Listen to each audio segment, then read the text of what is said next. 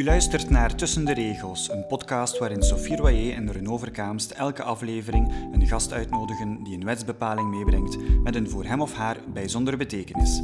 Met verhalen over markante rechtszaken, opmerkelijke histories of intrigerende anekdotes brengen zij dode letters tot leven.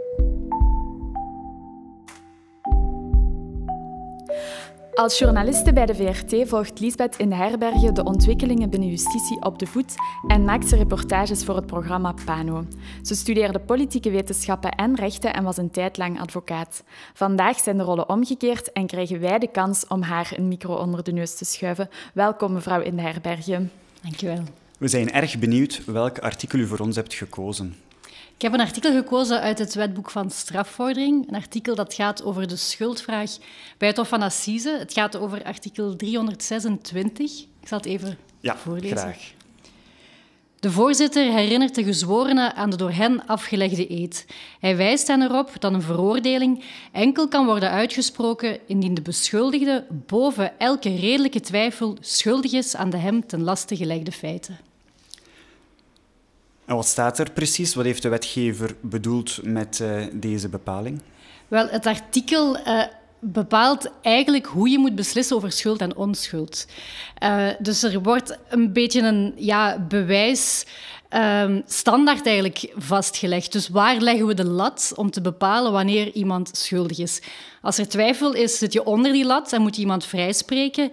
Uh, zit je voorbij de redelijke twijfel, ja, dan moet je iemand uh, veroordelen. Dat is eigenlijk wat de wetgever heeft willen zeggen. Dus je moet boven elke redelijke twijfel overtuigd zijn van iemands schuld. En dus de redelijke twijfel is het cruciale concept. Ja, dat is een begrip wat waarschijnlijk veel mensen vooral uit het Engels kennen, denk ik. Beyond Reasonable Doubt, uit Amerikaanse en Britse uh, advocatenseries wellicht. Dat is ook waar onze wetgever het eigenlijk vandaan heeft, uit het Angelsaksische uh, systeem. Dus ja, hij heeft willen, willen bepalen hoe je... Uh, ja, vanaf wanneer heb je genoeg zekerheid om over iemands schuld uh, te beslissen. En dat is dan wanneer je voorbij elke redelijke twijfel bent. En bestaat er een bepaalde juridische invulling of juridische zekerheid over welke elementen we onder dat concept redelijke twijfel moeten begrijpen?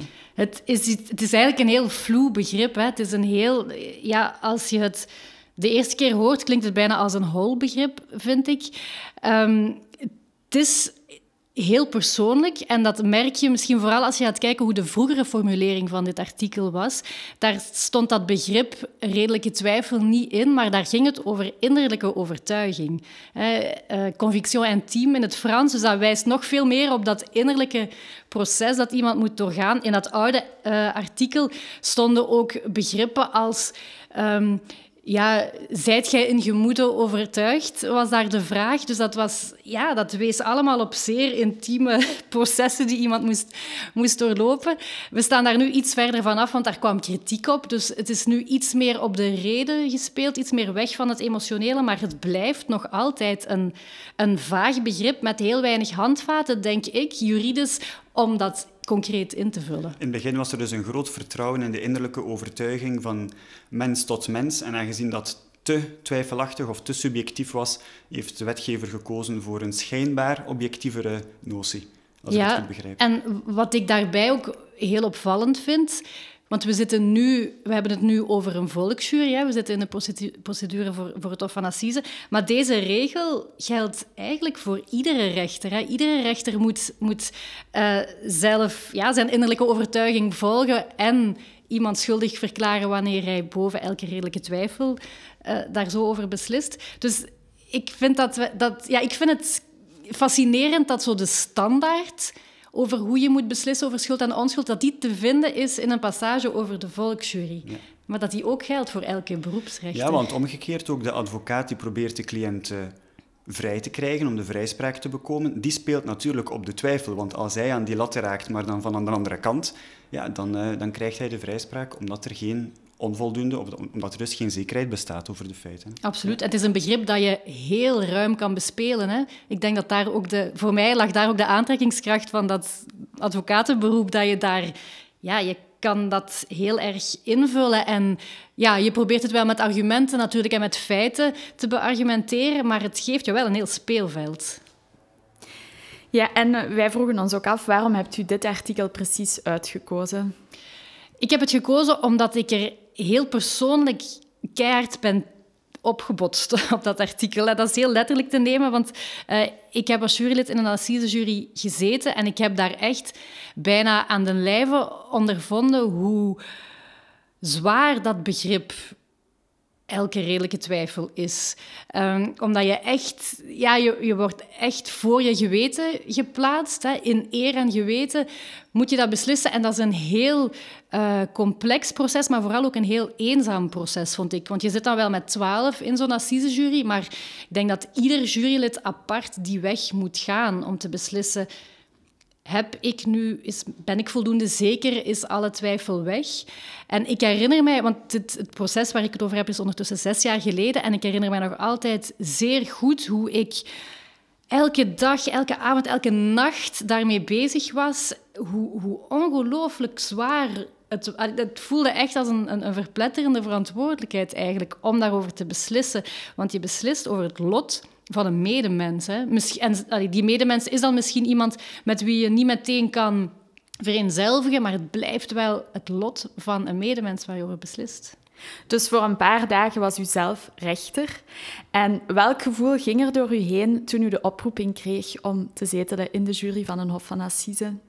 Ja, ik zal een heel atypische reactie gehad hebben, want ik was, ja, ik geef dat eerlijk toe, ik was heel blij.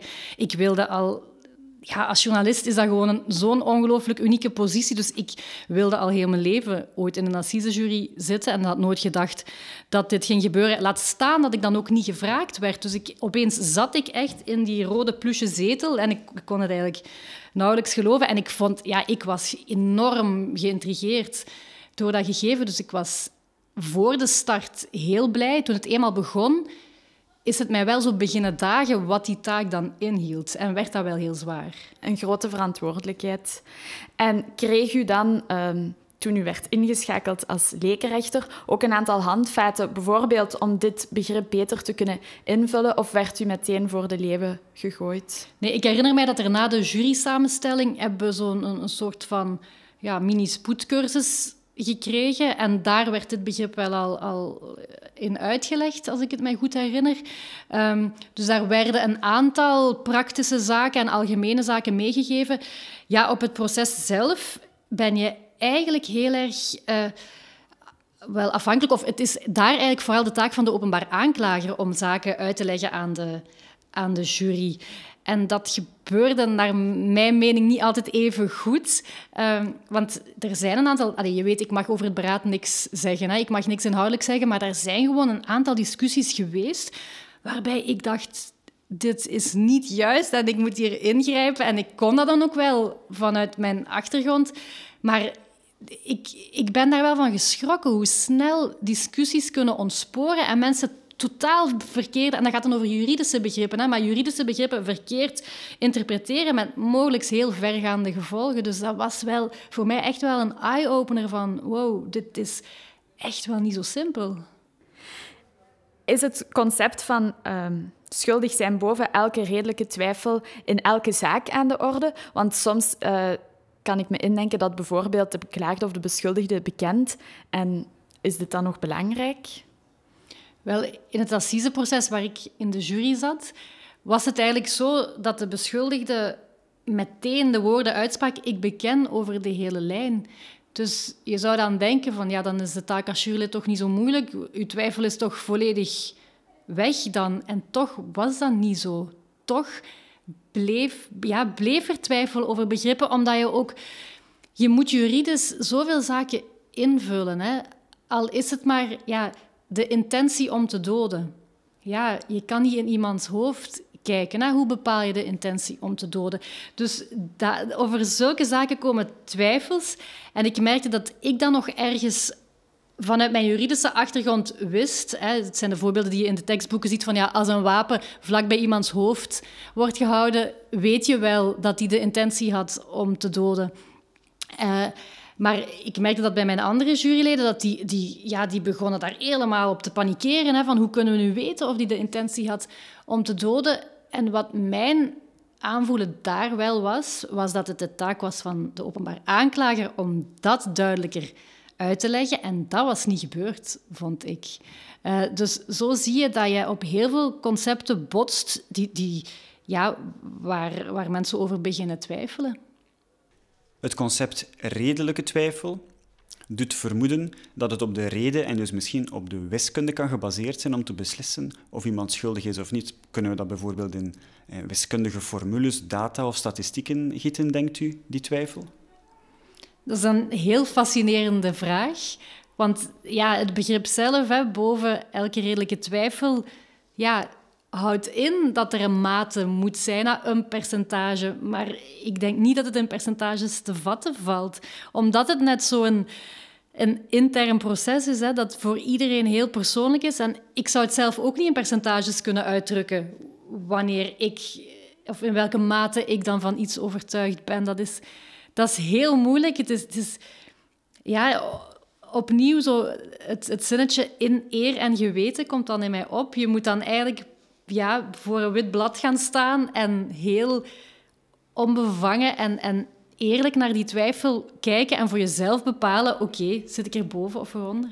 En u had niet de indruk dat bijvoorbeeld de persoonlijkheid van de mede-juryleden dan ook een rol speelt. Namelijk een, een, burgerlijk ingenieur zal misschien anders naar dat concept kijken dan iemand die een, eh, een, een taalopleiding heeft genoten. Komt dat tot, tot uitdrukking? Ja, absoluut. Je zit met twaalf verschillende karakters en dat komt enorm tot... tot tot uiting. Ook de, ja, de meer dominante karakters, de volgers. Dat, dat, is een klein sociologisch experiment hoor, zo'n assisejury. Dat komt echt allemaal naar boven dan. En daar is beïnvloeding, hoe je het ook draait of keert. Er zijn mensen die anderen beïnvloeden. Want naast het concept uh, redelijke twijfel is er nog iets uit Amerika komen overwaaien, namelijk het concept van uh, jury selection, waarbij dat uh, advocaten op voorhand proberen aan de hand van uh, Facebook-profielen en andere sociale media in te schatten welke juryleden in, in het voordeel van de cliënt zouden beslissen. Hebt u die indruk gehad tijdens de selectie van de jury dat daar ook een, ja, dat dat speelde?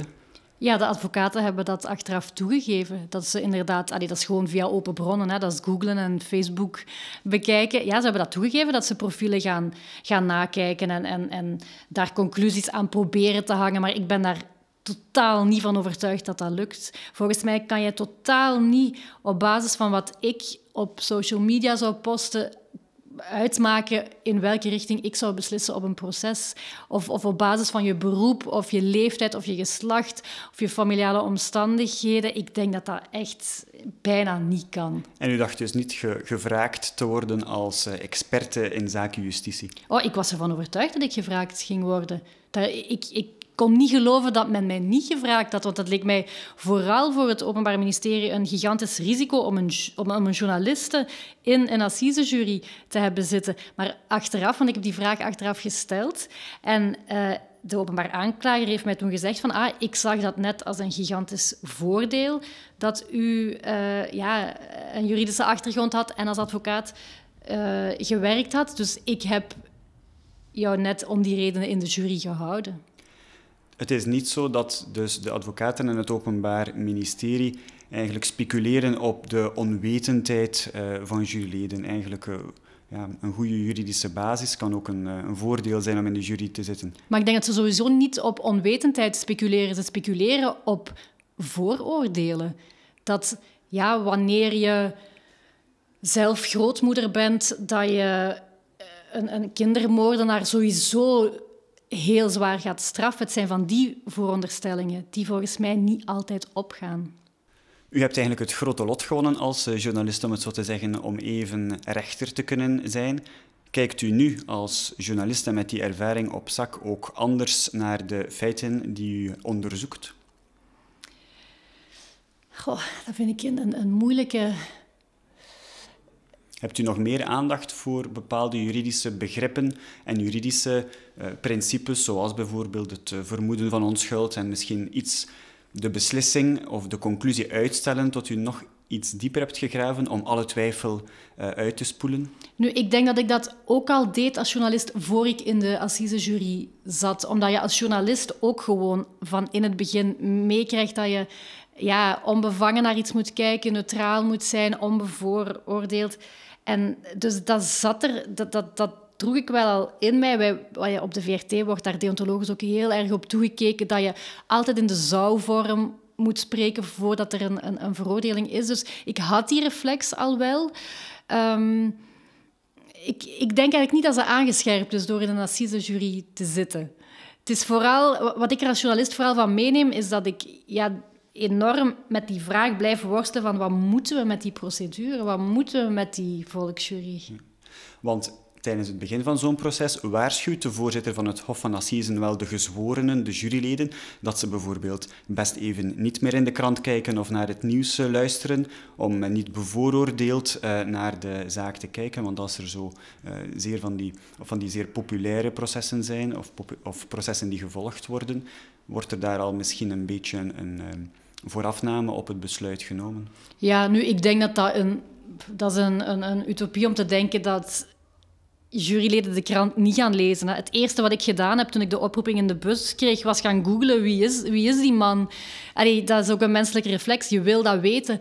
Ik, ik, ik denk niet dat juryleden zich zo laten beïnvloeden, ook niet door wat kranten schrijven. Ik ben van, ik kan alleen voor mijn assisejury spreken, maar ik was enorm onder de indruk van de professionaliteit en de inzet en de alertheid. En, en ja, die juryleden hebben zich allemaal echt volledig gegeven tijdens dat proces. Dus die zouden zich ook niet zomaar laten meeslepen door iets wat nu misschien iemand in een krant schrijft. Dus ik had de indruk dat ieder jurylid die taak zo serieus neemt dat ieder gewoon zijn eigen oordeel vormt en dat het dan niet zoveel uitmaakt dat je in het laatste nieuws een of ander artikel daarover leest. Besluiten we dan te snel dat er um, een trial by media wordt gevoerd?